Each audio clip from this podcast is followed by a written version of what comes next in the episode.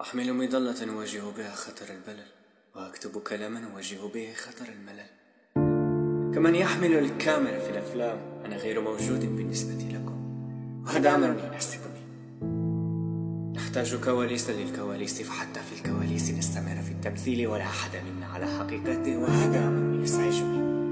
فالحقيقة أسوأ من الكوابيس والأحلام تظل أحلاما إلى نستيقظ منها.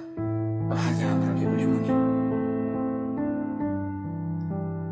أصرخ لكي يشفى ما بداخلي.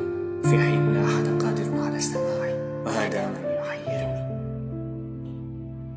انصرف عن وجهي الآن. فملامحك تغضبني.